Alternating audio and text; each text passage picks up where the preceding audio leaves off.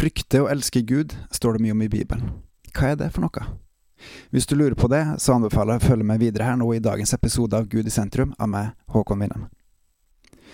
Det står mye om velsignelser og forbannelser, eh, blant annet i Gamle Testamentet, om at Gud han har en enorm velsignelse å gi til alle de som følger han, og så er det en forbannelse over de som velger å ikke følge han, som gjør opprør mot han, og som forkaster han, som gjør det motsatte av det han vil. I femte Mosebok kapittel seks så står det veldig mye med et veldig stort fokus på alle de velsignelser som er med å følge med Gud, og noe på de forbannelsene det er ved å ikke følge Han.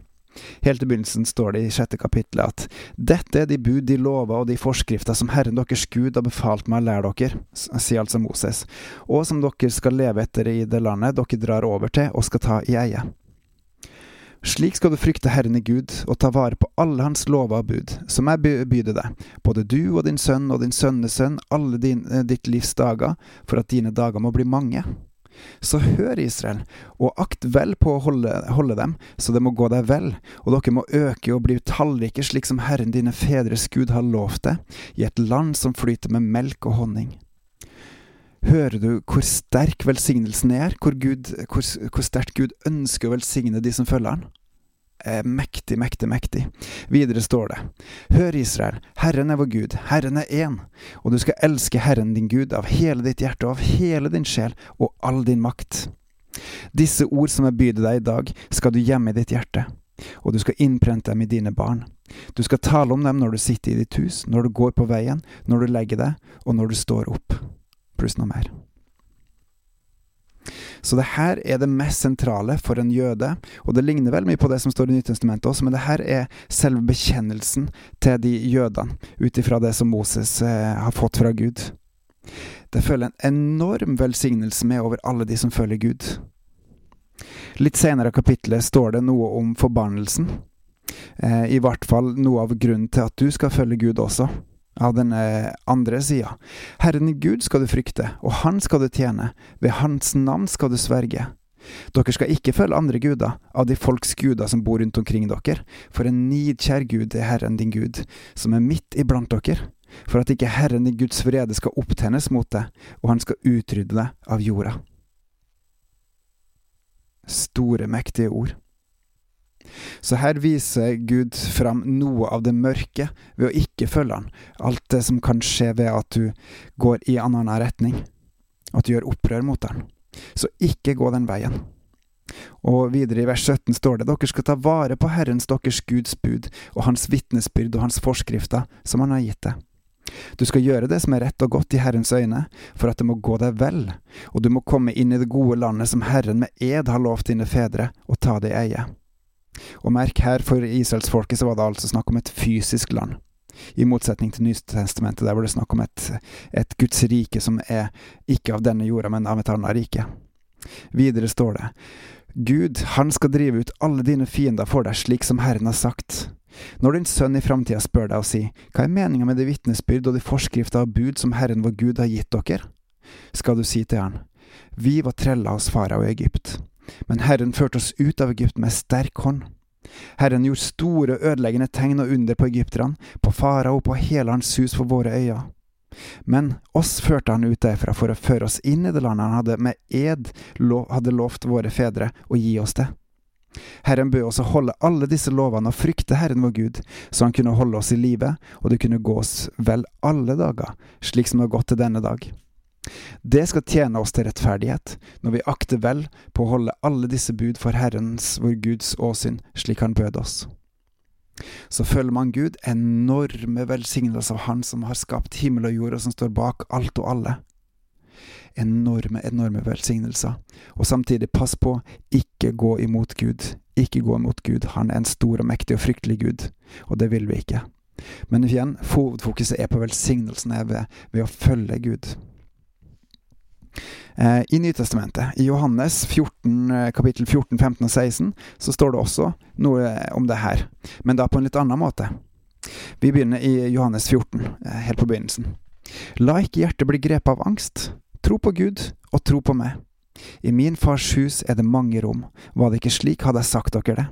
For jeg går for å gjøre i stand et sted for dere, og når jeg har gått bort og har gjort i stand et sted for dere, vil jeg komme tilbake og ta dere til meg, så dere skal være der jeg er. Og dit jeg går, vet dere veien.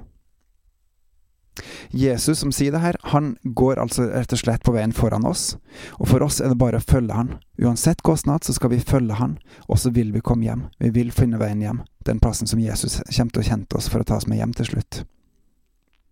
Så Jesus har noe kontroll, og den største velsignelsen som finnes, det er rett og slett å kjenne Han, og en dag så kommer Han hjem for å hente oss hjem. Wow. Litt senere i kapittelet står det Den som har mine bud og holder dem, han er det som elsker meg. Og den som elsker meg, skal elskes av min far. Også jeg skal elske han og åpenbare meg for han. Legg merke til den enorme velsignelsen her også, at vi som følger han, vi som tror på Jesus og holder Hans ord, vi viser at vi elsker Jesus, og da skal både Han eh, og Gud elske oss og åpenbare seg for oss. Litt seinere, den som elsker meg, vil holde fast på mitt ord, og min far skal elske han, og vi skal komme til han og ta bolig hos han. Så det er ikke bare snakk om at en gang i framtida skal han komme hjem og hente oss hjem, men at han har tatt bolig i oss bare ved tro allerede nå, mens vi lever her på jorda. Vi har allerede det evige livet, og så gjelder det å holde fast ved det, holde fast på Hans ord og vokse i det. Og i verset rett etterpå, den som ikke elsker meg, holder ikke fast på mine ord. Legg merke til det også, at hvis du ikke holder fast på ordene hans, så elsker du ikke Jesus. Hvem er vi til å våge å gjøre opprør mot, opprør mot de ordene som han har sagt?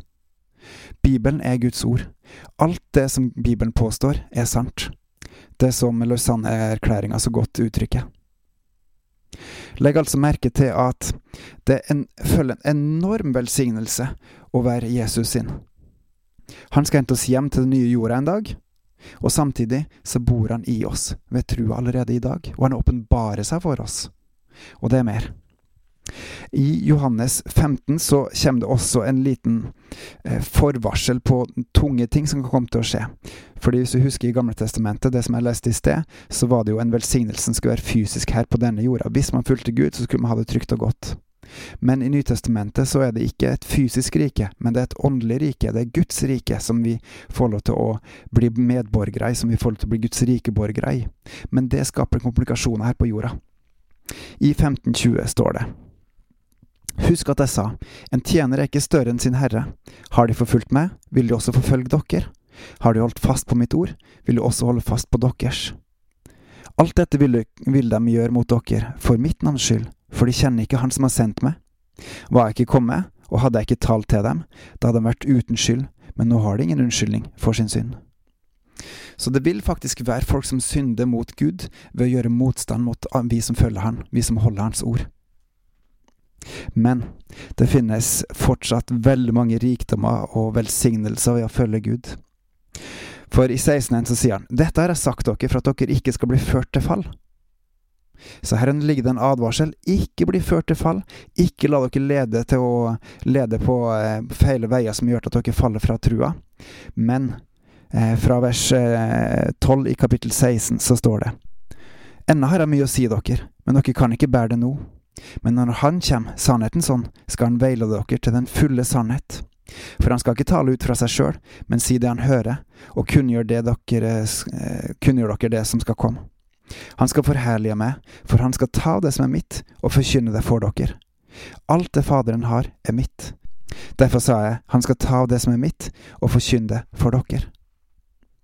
Så alt det som Gud har, det skal Jesus gi oss gjennom sin Hellige Ånd, talsmannen, som han skulle sende, og som han har, allerede har sendt på pinsedagen, og som er vår, og som har tatt bolig i oss.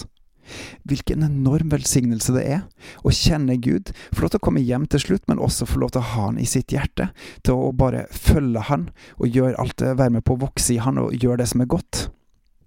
Så, frykt Herren, for Han har all makt i himmel og på jord. Å frykte Herren er å hate det onde, for det gjør Han. Å elske er å følge Gud, for Han er sannheten, veien og livet. Og da gjør du det gode stadig mer og mer, hvis du følger Han. Og gjør du det, da vil Han åpenbare seg for deg, og du vil se mer og mer av Hans kjærlighet til oss. Så lev i kjærligheten, sånn som Gud gjør, etter hans standard. Tilbe han, bygg broderfellesskapet, voks i og lev helliggjørelsen. Bebels, så vil Guds rike vokse, også i det. På gjenhør.